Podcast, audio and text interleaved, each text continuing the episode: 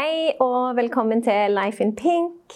I dag har jeg med meg Susanne Skanke Sangren, som er klesdesigner og driver klesmerket Sansu i Stavanger. I dag skal vi snakke om eh, hvordan hun ble klesdesigner, og hvordan hun starta Sansu. Have you ever met Miss Lindy? She's a gal with the bright red hair. Now she stands high from all the rest. You know her anywhere. Where she's mine. Yeah, she's mine. Well, I love that little girl with the bright red hair. Kan du begynne med å fortelle om bakgrunnen din? Jo, jeg eh, er jo utdanna klesdesigner. Utdanna meg i eh, Milano. Og så eh, driver jeg jo nå eh, klesmerket Sansu.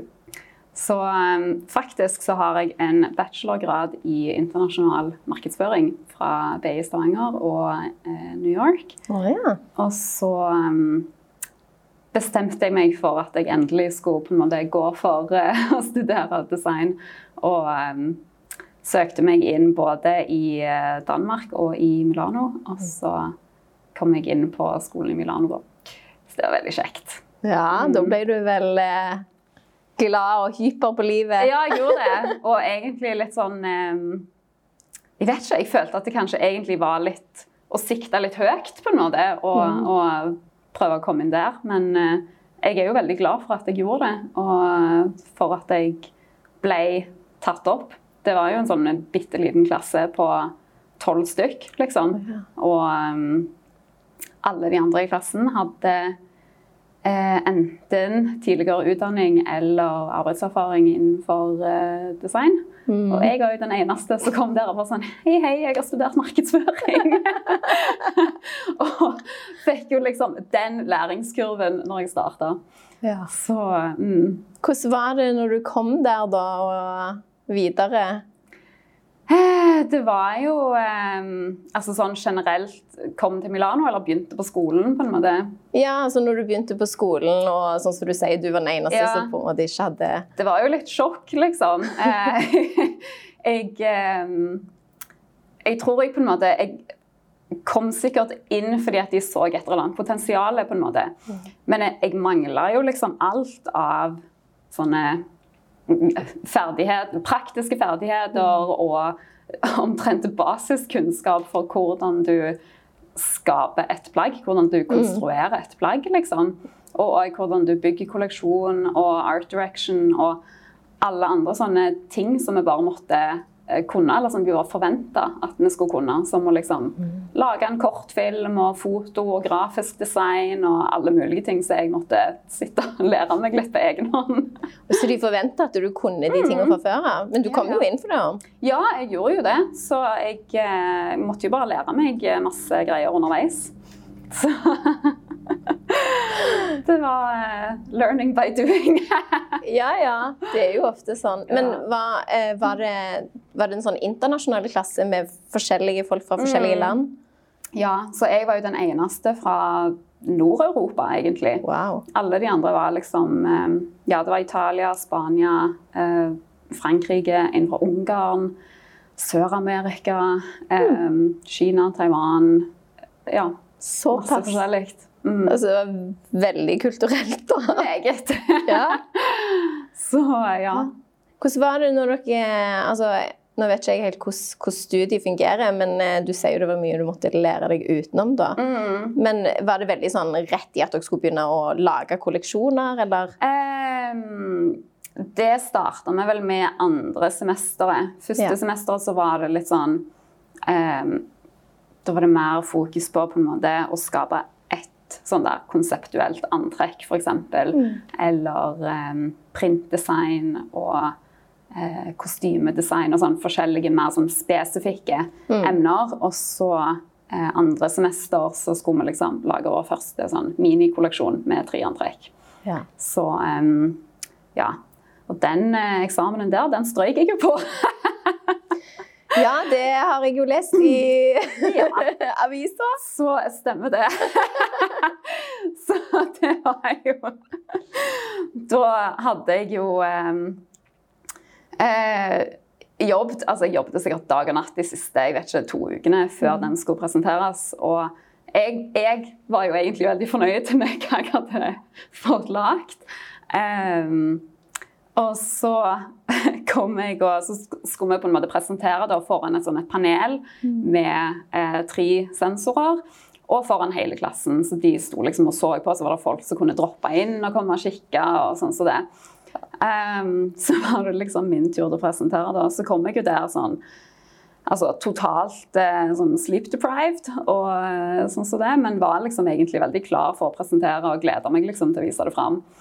Uh, og så kommer han der hovedsensoren som er eh, Romeo Gilly, heter han, som er en sånn, var ganske kjent på 80- og 90-tallet. Eh, så han liksom bare så vidt kikker på det jeg presenterer, lookbooken og liksom flaggene som står på sånne dokker. Så han bare ser på det så bare sånn Hva er dette? Å, Gud. Så begynte jeg jo å hylgrine. Så jeg bare klarte ikke å stoppe det. Det var helt grusomt. Eh, for jeg bare, jeg bare så liksom alt gå i grus, ikke sant? Um, Og det var jo ikke det du forventa. Nei, overhodet ikke. Jeg altså, det var ikke sånn at jeg forventa en A, liksom, men i hvert fall å bestå. Um, at de var sånn Nei, dette må, du, dette må du bare gjøre om igjen. Altså, du må bare ta eksamen på ny, for dette kan vi ikke akseptere.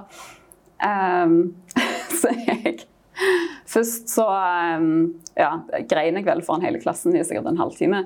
Sånn, og hver gang noen kom bort til meg og var sånn du, Går det bra? Går det litt bedre? Jeg bare Nei! Så kom, begynte det liksom på'n igjen. Ikke snakk til meg. Ja, ja. Så jeg måtte bare gå hjem. Og så um, lå jeg og syntes uh, sykt synd på meg sjøl og bare tenkte OK, hva gjør jeg? Hvorfor trodde jeg liksom at jeg kunne få til dette, og hva gjør jeg her? Og Ja. altså, hva, hva skal jeg gjøre? Jeg får jo ikke dette til.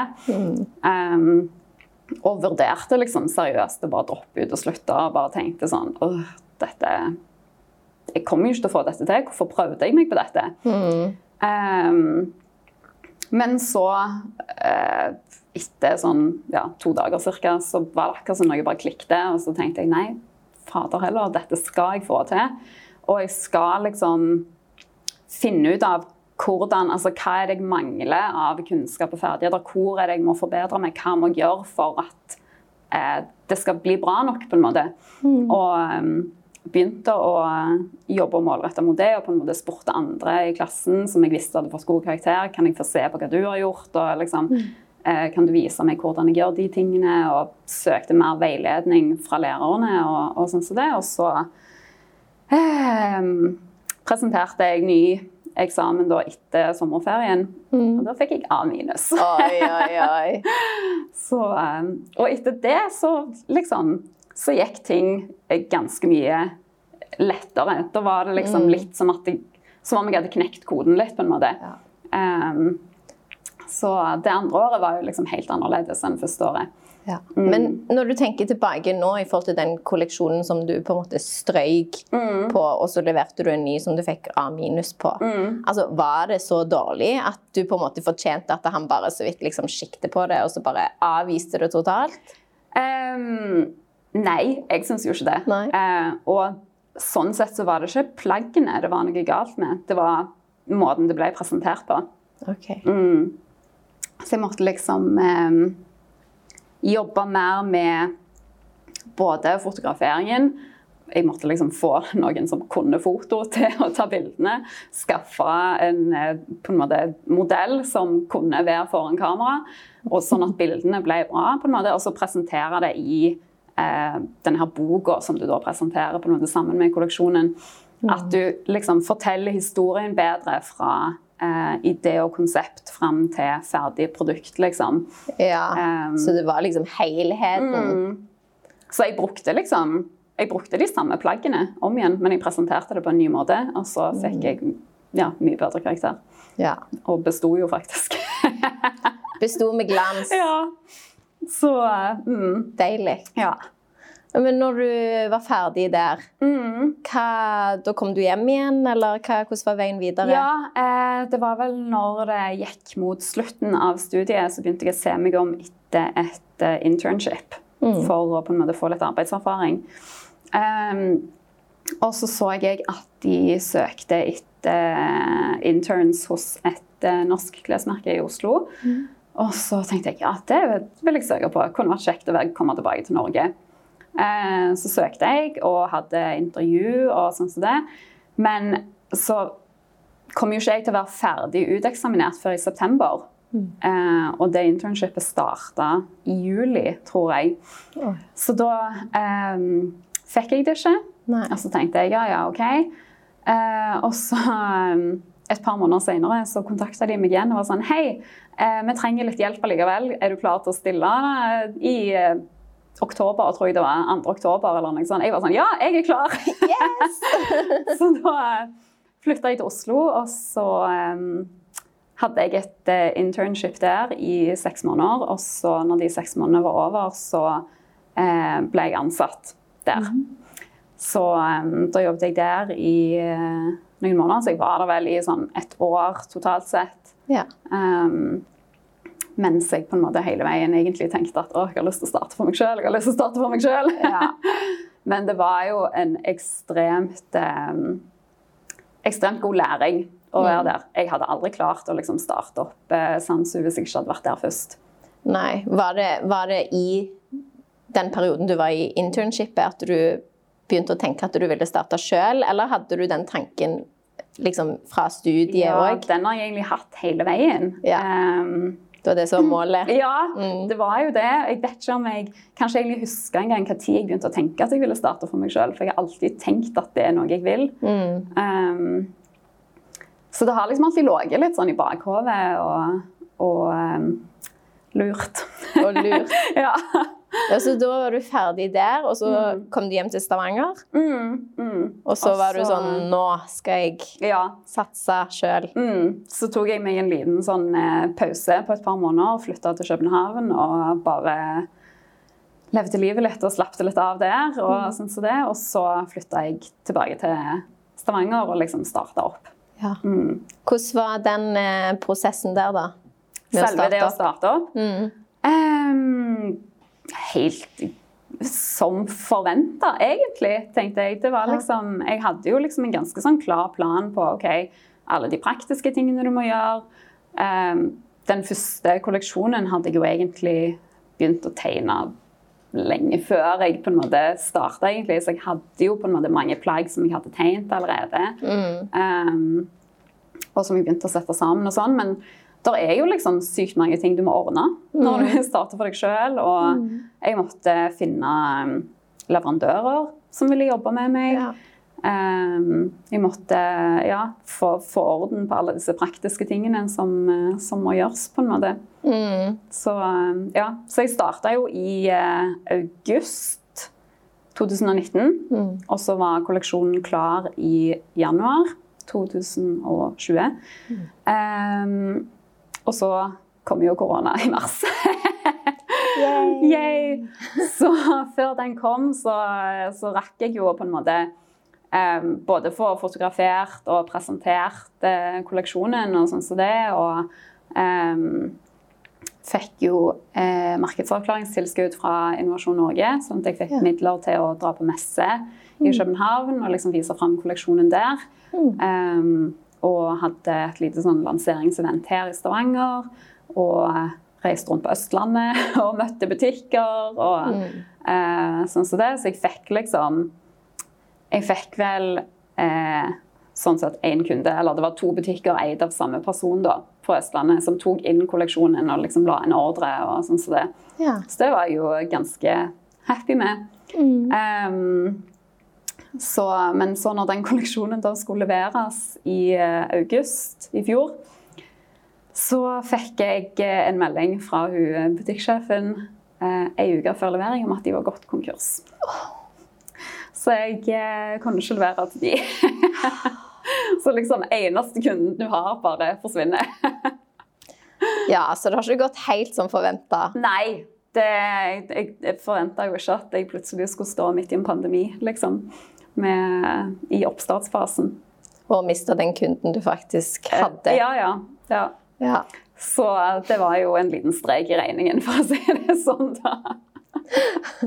Men det har gått bra for det? Og... Ja, det har jo det. Så jeg eh, Det er jo litt eh, Du må liksom hive deg litt rundt og prøve å finne eh, løsninger på, på de utfordringene du har. Um, så jeg eh, fikk holdt en pop-up-butikk her i byen. Og så fikk jeg på en måte i hvert fall dekket inn tapet og litt mer fra liksom, den kunden der. Mm. Eh, og solgte på nett og sånn som det. Sånn at det, det, gikk jo greit, på en måte. Det gikk ja. bedre enn det kunne ha gått. Mm. Um, så det var jo, eh, var jo bra. Og så samtidig så jobbet jeg jo med Spring Summer 21-kolleksjonen. Mm. Det er jo den som er for salg nå. Um, og da fikk jeg meg en uh, salgsagent, eller jeg et uh, agentur fikk agentur på merket til å selge det, på en måte. Ja. Um, så hun fikk den kolleksjonen solgt inn hos Illums bolighus. Mm. Det er veldig kjekt, så der uh, henger jo den nå. Ja. Um, Både i Stavanger og i Oslo, eller? Nei, kun i, i uh, Oslo. Ja. og så på um, i nettbutikken til Illums bolighus òg. Ja. Mm. Og så selger du klærne på Minto? Ja, på Ja. Minto, og så i eh, egen nettbutikk òg. Ja. Mm. Så det, det er gøy. Men det, er jo, det har jo vært utfordrende på en måte gjennom koronaen å prøve å få det solgt inn til flere forhandlere. Fordi at det altså For det første så har jo ikke salgsagenten har jo ikke kunnet reise. Hun holder jo til i Oslo. Eh, og det er jo ingen eh, andre byer som vil ha besøk av noen som kommer derfra. så, så hun har jo vært helt stuck der. Og så har jo butikkene holdt stengt. Og har jo på en måte ikke fått solgt ut de varelagrene som de har. Og har eh, Ja, det har vært tøft for, bransjen, på en måte. Mm. Så um, jeg har liksom bare tenkt at ok, det gjelder å klore seg fast til dette her er over og komme ut på andre sida. Ja. Mm. ja, det er jo dette du vil, så Ja, ja, må jo bare sant. gjøre det beste ut av det. Make it work. Hvordan er det når du eh, Når du skal lage en kolleksjon? Mm. Det er vel en ganske stor prosess, tenker jeg. Ja. Hvordan, eh, kan du fortelle litt om den prosessen, både eh, praktisk og kanskje kreativt òg? ja. Um, alltid når jeg skal starte å designe en ny kolleksjon, så begynner jeg på en måte med å se for meg litt sånn hvilken overordna følelse jeg vil at kolleksjonen skal ha. Ehm, og så ut ifra det Jeg er jo alltid veldig sånn inspirert av kunst. Um, så jeg pleier å velge meg ut en kunstner som jeg da bruker som inspirasjon for kolleksjonen. Om det er fargevalg eller former eller teksturer eller ja, alt mulig. Um, sånn at det, at det liksom alltid er en rød tråd og en sammenheng i kolleksjonen, og at du på en måte òg har eh, referanser som du eh, kan se litt hvor kommer fra, liksom. Ehm, så når jeg på en måte har bestemt meg for hvilken kunstner jeg skal bruke, så begynner jeg å studere masse verk og liksom trekke ut farger og elementer og sånn som jeg liker. Og så lager jeg et moodboard em, med farger og kanskje noen stoffer og silhuetter og detaljer og alt sånn, sånn at jeg på en måte har det klart for meg, og så begynner jeg å tegne. Em, og så tegner du alltid ganske mange flere styles enn du faktisk bruker i kolleksjonen, så du må på en måte eh, fjerna etter hvert, da, sånn at du sitter igjen med liksom kjernen av det du vil formidle. Um, så når du har eh, tegnet alle plaggene, så må du jo òg lage sånne tech packs, som det heter, med et stylesheet med alle sånne spesifikasjoner for eh, hvordan plagget skal konstrueres, og sånn som det, og så et målskjema til med alle målene på plagget. Så sender du det av gårde til eh, leverandør, og så begynner de å lage en prototype. Em, og så når du da får prototypen, så må den måles og sjekkes og gjøres justeringer og, og sånn, for det er jo sjelden de kommer tilbake akkurat sånn som du hadde sett for deg. Eh, og så em, sender du de eh, tilbakemeldingene tilbake til leverandøren, og så lager de på en måte den eh, produktprøven som du da bruker i innsalg og på fotoshoot og sånne, sånne type ting. Ja. Mm. Og så, etter innsalget er ferdig, og du vet hvilke styles som går i produksjon, så må du ta en ny runde med de stylesene, måle og gjøre justeringer og kommentere. og Kanskje lommen må være litt høyere, eller kanskje lengden må være litt kortere. eller um, sånne ting. Og så får du en preproduksjonsprøve som skal være på en måte helt sånn perfekt, sånn som det skal gå i produksjon. på en måte. Eh, og så starter de med eh, hele produksjonsordren i alle størrelser. Og ja, må du jo lage sånne graderingsskjemaer for, eh, for alle størrelser. og Ja. sånn som det. Så det er liksom en um, Det er jo en prosess som tar ca. et år. Fra du starter på en måte starter med eh, idé og konsept og tegning og sånn som det, fram til produktet er ferdig i butikk, på en måte, så går det et år. Mm. Det er jo ganske mye kommunikasjon mellom deg og leverandør, da. Ja, veldig. og, det, og det er du som på en måte må egentlig komme med all informasjon, og de bare gjør Ja, ja, ja. det som de får beskjed om. Ja, ja, ja, absolutt. Men hvordan er det når du Sånn som du sa, du måtte jo finne en leverandør først og fremst. Det kan jo ikke være lett i seg sjøl, det heller. Nei, det er jo ikke det, og det er jo ikke så lett heller når du er, når du er liten, på en måte. Fordi at da vet de at du kommer til å ha eh, lave produksjonsordre. Og de vil jo helst eh, ha så høye som mulig. Ja. Så du må hele veien forhandle på en måte på antall, eh, antall av hver style og, og sånn som det. Men eh, jeg var heldig med at et par av de leverandørene som jeg hadde jobbet med tidligere, eh, når jeg jobbet i Oslo, at de òg ville jobbe med Sansu.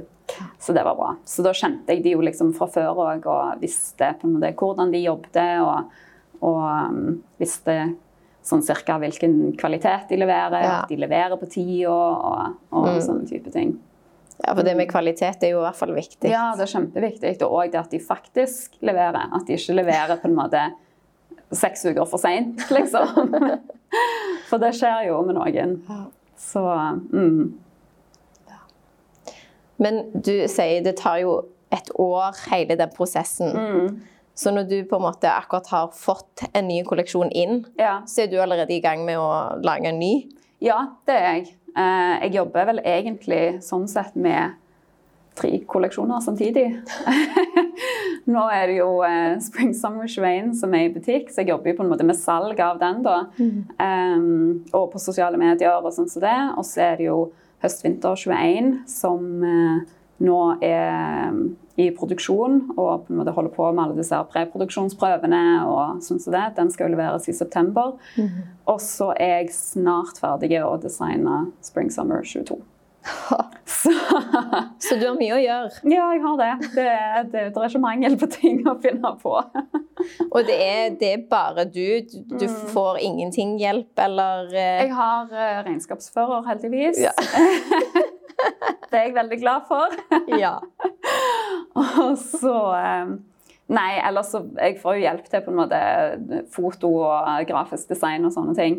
Um, men eh, så, altså, i Samsu på en måte som firma, så er det bare meg. ja. Så Travelt. det, det er ganske travelt, ja. Det er det. Jeg vet jo òg at du har eh, fokus på at klærne dine skal være bærekraftige. Kan ikke du fortelle litt om det? Jo, um, sånn for meg så har liksom bærekraft egentlig tre aspekter. Det er design, og så er det materialvalg og produksjon, eller produksjonsvolum. Ehm, så i forhold til design så jobber jeg alltid ut ifra at plaggene som jeg designer for Sandshus, skal være så tidløse som mulig.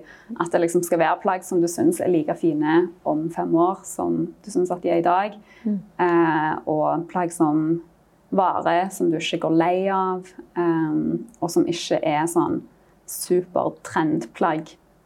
Um, og at det skal være ja, funksjonelt og kanskje multifunksjonelt. At det kan styles på mange forskjellige måter og passe i mange ulike sammenhenger. og, og sånn som det. Sånn at eh, plagget på en måte får et langt liv. At det ikke blir sånn bruk og kast, liksom. Um, og når det kommer til materialvalg, så prøver jeg alltid så langt det lar seg gjøre, å velge så bærekraftige materialer som mulig. Um, og det er jo ikke sånn Det fins svært få bærekraftige alternativer innenfor noen kategorier av tekstiler. på en måte. Um, men jeg prøver, jeg prøver liksom å bruke så mye som mulig av sånne stoffer som Tencel og eh, Rolva og Modal og kupro og sånne type materialer som eh, krever mindre ressurser for å produseres. Mm, hva, er det, hva er det som gjør de mer bærekraftige? Sånn som Tencel for eksempel er, um, de er lagd av eukalyptus. Eukalyptusplanten, som ikke trenger sprøytemidler for å vokse. Og så trenger den ikke så veldig mye vann heller, eh, sammenlignet med f.eks. bomull. Ja. Og så blir Tencel-materialet produsert i et sånn et closed loop-system som kan trekke ut og resirkulere både vannet og kjemikaliene brukt i produksjon, og så bruke det om igjen. Så Det det bruker jo liksom ja, ja, betraktelig eh, mindre ressurser enn en mange andre materialer. Mm.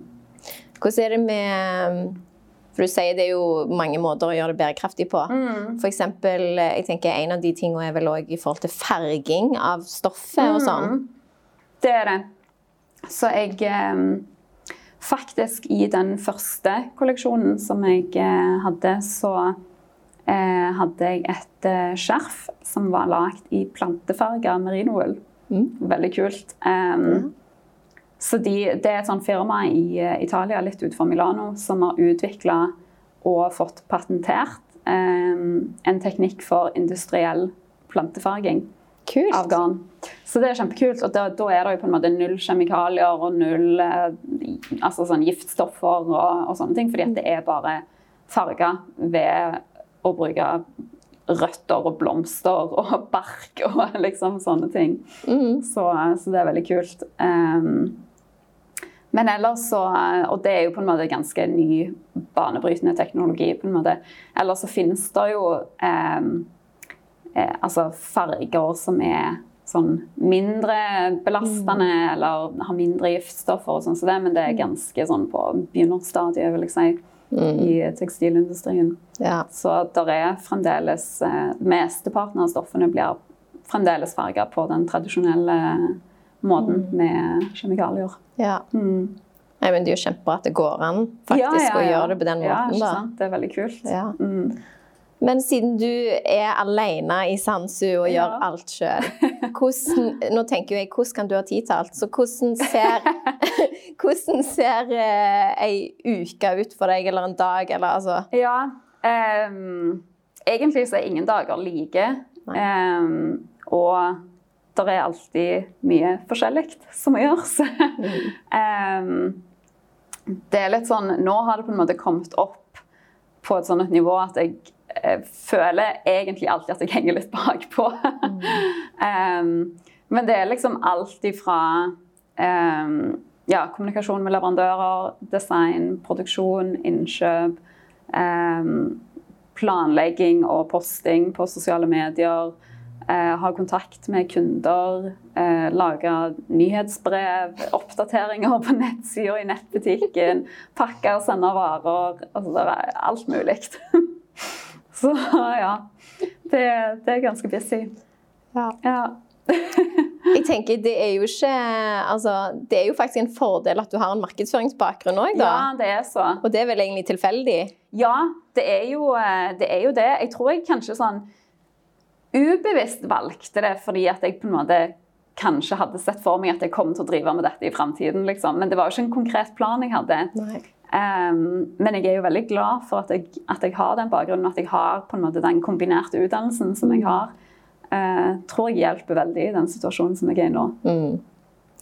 Hva, hva ville du anbefalt andre som har lyst eller har en drøm om å bli klesdesigner eller starte sitt eget klesmerke? Um, jeg vil, an, tips? ja, jeg vil uh, først og fremst anbefale å eh, studere det. Få deg en utdannelse innen det. på en måte. Fordi at det er ganske mange ting du lærer i forhold til hvordan du skal tenke når du designer, hvordan du gjør research, hvordan du setter sammen ulike referanser um, for å på en måte skape noe nytt. Uh, og mye sånn teknisk om hvordan du uh, skaper og konstruerer et klesplagg. på en måte. Ehm, så en utdannelse er absolutt verdt å ha. Og jeg vil anbefale på det varmeste å eh, ta et internship. Altså, Og det er ofte som regel ubetalt. Ehm, men du lærer så sykt mye at det er 100 verdt det. Ehm, for det Altså hvis jeg ikke hadde hatt det internshipet etter studiene, så hadde jeg aldri Altså, det er så mye som du ikke lærer på skolen om hvordan bransjen fungerer, og hvordan du gjør ulike ting, hva du, hva du må ha på plass for å på en måte um, få et plagg produsert hos noen andre, liksom. Um, og alle de tingene der, det lærer du jo ikke på skolen. Uh, sånn at uten det så, så hadde jeg ikke visst hvor jeg skulle starte, på en måte. Um, så det er absolutt å anbefale. Og så må du liksom være litt innstilt på at det, det krever ganske mye jobb. Det er mange som tror at eh, motebransjen er veldig sånn glamorøs. Og Seriøs. så, så det, det, det er det jo ikke i det hele tatt. Så det er sykt mye hard jobbing, og du må ha arbeidsmoralen på plass. altså. Jeg tenker jo sånn moteindustrien altså Hvis jeg skulle blitt en klesdesigner, så hadde Ja. jeg jo tenkt at egentlig det motsatte. At Ja. det, det er jo sykt mange om beinet, og det er veldig altså, konkurranse og Ja, ja, ja. Det eh, det. spisse albuer og Ja, så det gjelder jo òg å på en måte um, finne ut av hva det er du står for, hva som er ditt point of view, på en måte, og så holde deg trofast til det. Ikke vik fra det fordi at det, ehm, på en måte, trendene går i den og den retningen, eller du får kommentarer fra noen eh, på at du burde endre ting. Eh, og sånn som det, hold deg, altså Selvfølgelig ta imot tilbakemeldinger, og, og sånn som det, det er jo kjempeviktig, men hold deg veldig sånn tro mot det som er ditt konsept. liksom. Det tror jeg er dødsviktig. ja, Så det er viktig å vite hva du vil, og hva du faktisk eh, ser for deg. Ja, ja. Hva, em, hva du føler at du kan bidra med, liksom. Som, eh, som du kanskje ikke finner noen andre steder. At du liksom ja, finner ut hva, hva det er jeg vil formidle som jeg ikke ser andre steder. Og så vil det jo alltid være folk som er uenige eller har kritikk. Ja, ja. eller altså sånn. Sånn er det jo uansett hva det gjelder. på en måte. Så, Ja. så det gjelder å ja, være åpen for tilbakemeldinger, selvfølgelig, men òg ha litt skylapper på og litt sånn teflon på hjernen. Og la ting prelle av litt. Ja.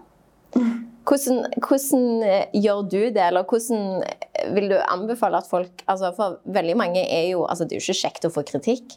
Og det, og det kan være lett å på en måte få en kritikk og så tenke nei, jeg må gjøre noe annet, og så plutselig så er det, har du eh, spurt helt av. Ja. ja, det kan jo skje, men jeg tror Jeg vet ikke sånn For min del så har det kanskje vært en litt sånn modningsprosess. At eh, når du blir litt eldre, så blir du òg litt tryggere på hvem du er. Og um, hva du ønsker å skape, og hva du på en måte vil gjøre. Eh, og blir litt tryggere på at ja, men det er rett for meg. på en måte. Så Ja. det er ikke så mye å si hva du syns. Nei, det er helt sant.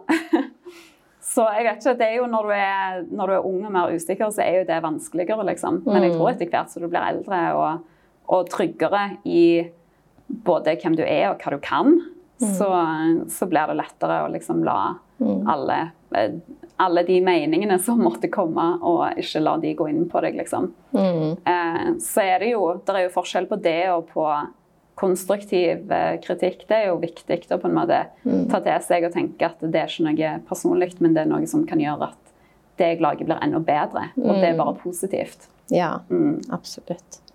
Men sånn eh, Du sier jo at du, du fikk jo se litt hvordan bransjen var og sånn når du var i internship. Hvordan er bransjen? Altså, Er det skummelt? Er det masse spisse albuer og folk som bare liksom eh, ser på deg som konkurranse og liksom Nei, jeg tror det er ganske variert, sånn som i alle andre bransjer. Um, det er jo folk, på en måte. Um, så det er Jeg tror det, det kommer helt an på, på en måte, hvem, hvem du treffer på, og hvem du jobber sammen med. og, og sånn som det. Men eh, altså, det finnes eh, positive og negative ting, sånn som alt annet. Um, men eh, ja, det er, jo, det er jo den eneste bransjen jeg har vært i, så jeg kan jo ikke sammenligne det med noe annet. det Men, men det, er ikke, det er ikke sånn Devil Wears Prada, for å si det Nei. sånn. Nei. Det er ikke sånn. Det er ikke sånn. Nei. Nei, det var det jeg trodde. Ja. Du har, jo, altså, du har jo hatt positive ting og negative ting som har skjedd. Altså denne eksamen og sånn som Mm. Ja, ikke ja. gikk så bra. Hva, men hva liksom utfordringer sånn generelt, eh, både fram til nå og i Sansu, er det Mm. du liksom opplever?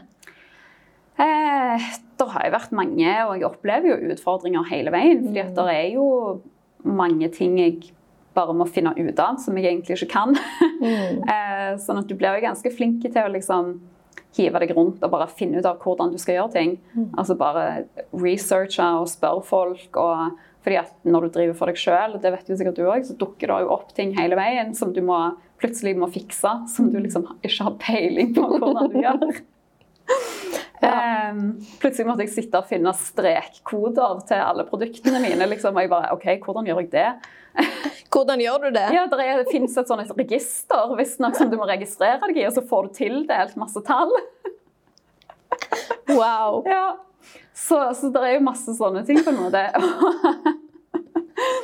eh, og det dukker jo opp ting hele veien liksom, Ja. som du bare må finne ut av. Em, men eh, nei, jeg vil jo si sånn til nå i Sandsud, den største utfordringen har vært å få, få merket inn hos eh, forhandlere. Og det er jo fremdeles den største, største utfordringen. Eh, og det er jo både, tror jeg, altså det med korona, men òg det å være ny. på en måte, At det, du skal komme deg inn på et marked som helt ny. eh, og konkurrere med andre merkevarer som er mye mer etablerte. Og eh, ja, har eksistert mye lenger. Folk kjenner til dem, de vet hva de får. Mm. butikkene vet at det selger. Ja. Um, så kommer du der som helt ny, og så har de ikke peiling på kommer dette til å selge eller ikke. Um, så du må liksom trenge deg gjennom det, det nåløyet der, da. Ja, og så er det altså, til og med uten korona så er det jo veldig mange som er Altså det er på en måte litt sånn enten-eller, at de tør å satse eller ikke. Mm. Ja, ja, ja. Men så pga. korona så er det jo gjerne enda skumlere for dem. Ja, ja, fordi at de blir mye mer eh, risikoaverse. Og Mm. ja, eh, kjører på en måte tryggere på, eh, på hva de kjøper inn. Og, Mm. og um, ja, vil på en måte ikke satse på noe som de ikke vet om kommer til å gi noe salg, liksom. Ja. Så ja. Ja. Men du har altså Du selger på Minto, og så nå på Illums bolighus. Mm. Og så har du egen nettbutikk. Og så har du et showroom. ja. Et lite midlertidig showroom i hvert fall. Og så planlegger jeg eh, en eh, pop-up-butikk eh, i byen her et sted sånn nå på våren. Ja. Mm. Det blir jo kjekt. Ja. Vet ikke helt hva tid det blir ennå, men eh, Nei. det kommer nok på sosiale medier. Ja. Men eh, med det showrommet, Mm. eh, hvordan kan folk eh, komme der? Er det Bare kontakte meg på, enten via mail eller eh, på Instagram eller et eller annet sånt, og så setter vi opp en avtale. Mm. Det er litt sånn pga. korona nå, og sånn, så kan kanskje folk bare droppe innom. For da kan det bli for mange folk der Ja, inne. ja. Mm. Og da kan de komme og se på klærne og prøve mm, klærne og prøve å se og, og um, ja, kjenne. kjenne på stoffene. Ja, det er jo på en måte Det er jo det som er litt um, mangelfullt med netthandel, på en måte. At det, du ikke får kjent på stoffene, Mm. prøvd plagget på, er sikker på at det sitter sånn som du vil at det skal sitte, og, og sånn som det. Mm. Så um, ja. Ja. Det er jo alltid kjekt å få lov å kjenne og prøve. Mm. Men sånn i forhold til um, Når, du- når du lager kolleksjonene og bestiller, sånn, så må du jo òg sånn du sier, lage måleskjema og størrelser og sånn. Mm. Eh, hvordan er størrelsene på klærne dine? Det i forhold til liksom De er sånn ganske standard eh, skandinaviske størrelser, på en måte. Ja. Så um, du bruker jo ofte sånne typ standardmål. Eh, altså på livvidde og hofter og over bryst og skuldre og, og sånn som det. Når, du, når du lager plaggene. Ja. Så er det jo selvfølgelig avhengig av hvordan det er ment at de skal sitte. Og, og sånn som det. Men mm. Ja. Og så er det jo noen som foretrekker at det er kanskje litt stort, eller, Mm, ja. eller at, at det skal være helt stramt, Mm. eller Ja, ja, ja. Ja. Så, eh, ja. Så, men det går jo alltid an å bytte, bytte størrelser sånn i nettbutikken og, og ja, sånn også, da. ja. Ja. Alltid fri retur og bytte. Oi sann. Det Ja. må jo nesten være det òg, sånn at du ikke Det skal jo være minimal risiko, da, på en måte, Mm. med å eh, bestille på nett. Mm. Mm. Men når eh, folk bestiller på nett, så, så er det du sjøl som sender varene og pakker? det er jeg som pakker, og- pakker og sender og leverer på posten. Og Ja. ja, det er det. Sent with love. Yes. Det er jo koselig, da. Ja, det er jo det. Mm. det ja. Hvordan, jeg tenker sant, Du er jo lokale. Mm. Hvordan, hvordan har eh, liksom, Har du fått noe sånn respons lokalt? Altså sånn Jeg syns jo det er veldig kult at Ja. du er i Stavanger. Ja, det er jo ikke det, det er jo ikke sånn veldig stor moteindustri her i Stavanger. Så um, ja, jeg syns jo det er ganske, ganske greit å holde til her, egentlig. Mm. Og um, altså spesielt etter den eh, artikkelen i Aftenbladet som kom rett før påske, så ble det jo sånn kjemperespons. Så det var veldig gøy. Ja. Mm. Kjekt med intervju. Ja, det, Og nå er du her. og nå er jeg her, så det baller jo på seg. Ja, ja. Ja. Vi må jo støtte hverandre i denne byen. Ja, vi må jo det. Det er kjempeviktig. Ja. har ha litt sånn eh, lokal eh, forankring og lokal Mm. støtte. Og det er viktig. Absolutt. Mm. Viktig for næringen òg. Ja, det er så. Iallfall i korona, tenker jeg. Mm. Ja. Absolutt. Men jeg tenker det er jo sikkert veldig mange som syns at du er inspirerende og har lyst til å på en måte oppnå det samme som deg. Mm. Og har en liten sånn designerdrøm. ja. Og da syns jeg jo òg at det er spesielt kjekt at du faktisk er i Stavanger. Så hva, hva var det som gjorde at du valgte å starte her, kontra f.eks. Oslo? er vel det som er mest mote Ja. i Norge, i hvert fall. ja, det er jo egentlig det. Jeg, eh, sånn egentlig så var det vel det at jeg følte at jeg lengta litt hjem. Jeg eh, Altså de siste ti årene før jeg flytta tilbake her, så hadde jeg ikke bodd på samme sted mer enn to år av gangen. Jeg hadde liksom vært i eh, Jeg var i Trondheim et år, og så var jeg i New York, og så var jeg i Milano, og så var jeg i Oslo, og så var jeg i København. Og så tenkte jeg åh, nå hadde det vært deilig å komme litt tilbake til Stavanger. Eh, så tenkte jeg at det var litt praktisk, egentlig, å starte opp her. Og at det kanskje kan være positivt at det ikke er så mange andre her som holder på med det samme. Um, når du er i Oslo, så blir du litt mer sånn en av mange. Mm. Mens her så blir det litt annerledes. Det blir litt mer unikt. Ja, Mm, det er sant. Så du har holdt på å flytte rundt i ti år? det har jeg. Ja. Wow! Men jeg føler jo, eller i hvert fall sjøl, jeg har jo bodd litt forskjellige plasser og sånn, og jeg er jo kjempehjemmeskjær. mm. Er det en sånn Stavanger-ting, tror du? Jeg vet ikke. Jeg, jeg har hørt flere si at Stavanger-jenter kommer alltid hjem igjen. Sant. Det kan være at det er litt sannhet i det. Ja. Ja. Men det er jo en veldig fin by, herregud. Det er en kjempekoselig by. Det er det. Og så syns jeg det som er litt løye med det, er jo at eh, I hvert fall vi som har reist og sånn. Jeg føler at det er mange veldig sånn eh, Når du er på en måte nyutdanna eller et eller annet sånn, så er du sånn åh, jeg vil bare ut herfra. Ja, ja. Og så har du liksom vært mange plasser så folk tenker sånn Å, New York, eller, Ja, ja. eller det, eller det. Og så likevel så er det sånn Ja, men jeg vil hjem. Ja. Men jeg tror du òg når du får eh, Det er nesten sånn at du ser det med et nytt blikk, og du setter pris på det du har hjemme, på en helt annen måte. Ja. Fordi at du har sett og opplevd noe annet. Så får du liksom eh, Ja, du, får, du ser det med nye øyne, liksom. ja.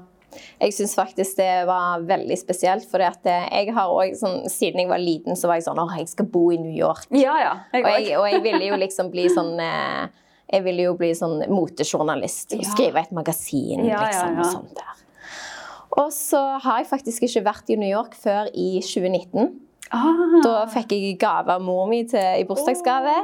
Reiste til New York og var der eh, ei lita uke. Ja. Og så kom jeg hjem, og så er jeg bare sånn Nei. Nei. Jeg bare Like så greit å ikke bo der. New York er oppskrytt, tenkte jeg. Ja. Jeg ble nesten, altså Selvfølgelig det var kjempekjekt å være der og Ja, ha ja, fått vært der, og sånn, men så var jeg er, ferdig med sånn, det. ja, det er jo ikke sånn som du ser på film, liksom. Nei, Det er ikke helt sånn uh, Sex in the City. nei, det er jo ikke det. Så. Det er jo en veldig kjekk by. Jeg likte veldig godt å bo der, men jeg, jeg, eh, jeg er glad for at jeg ikke bodde der lenger enn et år. Mm. Eh, Da tror jeg at jeg hadde fått det litt i halsen, egentlig. Et år var sånn perfekt, men Ja. ikke mer. Ja. Mm. Alle de plassene du har bodd da, har det, har det vært studierelatert og sånn? Eh, ja, stort sett. Hvor likte du deg best? Um, jeg Åh, oh, det er vanskelig å velge, for jeg liker alle stedene. På, alle har liksom sine ting som jeg på en måte elsker. Eh, men jeg syns jo at det var fantastisk å bo i Milano. Ja. Det var en utrolig kjekk by å, å bo i, med veldig sånn god energi og, og um, mye gøy som skjedde, og veldig sånn herlig livsstil. Og de er jo litt sånn eh, mer avslappa i forhold til, forhold til tid. Og, og, og det å nyte livet på en måte er jo eh, så mye viktigere der enn en kanskje her, egentlig. At de på en måte setter sånn pris på og har fokus på sånn, gode måltider. Det å eh, bare slappe av. Eh, tar deg to timer pause midt på dagen, liksom. eh, og ja. Og dette her med fokus på kvalitet når det kommer til mat og klær og vin og disse tingene. At det er veldig sånn livsnyterkultur, da. Det liker jeg veldig godt. Ja. ja. Det er forståelig. Så ja. Ja. Så hva skjer videre for Sandsuna, da? Nei, nå eh, må jeg eh, få bli ferdig med å designe Spring Summer 22-kolleksjonen. Em, og så eh, planlegge fotografering og alt sånn av den. Og så håper jeg at når det blir innsalg av den kolleksjonen i august, at ting er litt mer åpent. At korona er litt mer bak oss enn hva det er nå. Eh, og at eh, den innsalgsperioden blir litt lettere. At det går an å reise og, og sånn som det. Så, eh, og så blir jo høst-vinter 21 blir jo levert i september. Så det blir gøy. Ja. Mm, mm. Da håper jeg at det, er mange som vil gå inn i nettbutikken din. Ja, Og det er på sandsu.no. det er det. Og så De må jo bare sjekke ut klærne dine. De Ja. er jo kjempeflotte og klassiske og tidløse, som du sier. Ja, det er i hvert fall eh, Jeg tror at det er plagg som du kan ha i garderoben lenge. Mm. Som eh, ja, blir sånne staples, da, på en måte. Som du alltid kan gå tilbake til. Mm. Og eh, fungere i mange ulike settinger og sammenhenger. Og, mm. Ja, for da blir jo det òg et fokus på mer bærekraft. Ja, ja. Men eh, så, så hvordan vil du Altså selvfølgelig, du vil jo òg at folk skal kjøpe klærne dine. ja, ja. Men, Men, men sånn generelt, hvordan eh, kan folk ta mer bærekraftige valg med garderoben sin? jeg eh, tror at kanskje det mest eh, Det som vil ha mest effekt, da, som folk kan gjøre, er å ehm, bli litt godt kjent med seg sjøl og finne ut av hvem er jeg, hva type liv har jeg, hva livsstil har jeg, hvilke aktiviteter holder jeg på med, og hva trenger jeg for å leve det livet, på en måte. Og kartlegge litt sånn hvilken type garderobe du trenger, og um, handle ut ifra det. Og handle bevisst på en måte ut ifra det, og ut ifra et langvarig perspektiv. Um, det tror jeg er kanskje det, det som vil ha aller mest effekt. Eh, og, og selvfølgelig ta vare på de plaggene som du da kjøper. Eh, vaske de på rett måte. Eh, sy på en knapp hvis knappen detter av. Ikke bare liksom kaste den fordi at han har mista en knapp. på en måte. Hvis en søm ryker, lever det inn til reparasjon fordi at det kan fikses. Um, og sånn som det. Og så er det jo selvfølgelig er det en bonus hvis det er lagd i bærekraftige materialer. Men det er liksom ikke et must, føler jeg, for å ha en mer bærekraftig garderobe. Nei. Mm. Yes. Ja, ja. Nei, men Det var et veldig godt tips. ja, så bra. tror jeg eh, det er mange som vil synes, ikke Ja. bare meg. Men da tror jeg at vi er ferdige for i dag. Ja, Ja, Tusen takk for at jeg fikk komme. ja det var veldig kjekt å ha deg her. Ja, takk. Det var veldig gøy. Ja. Mhm. Så da eh, er vi ferdige for i dag, og eh, da ses vi neste gang.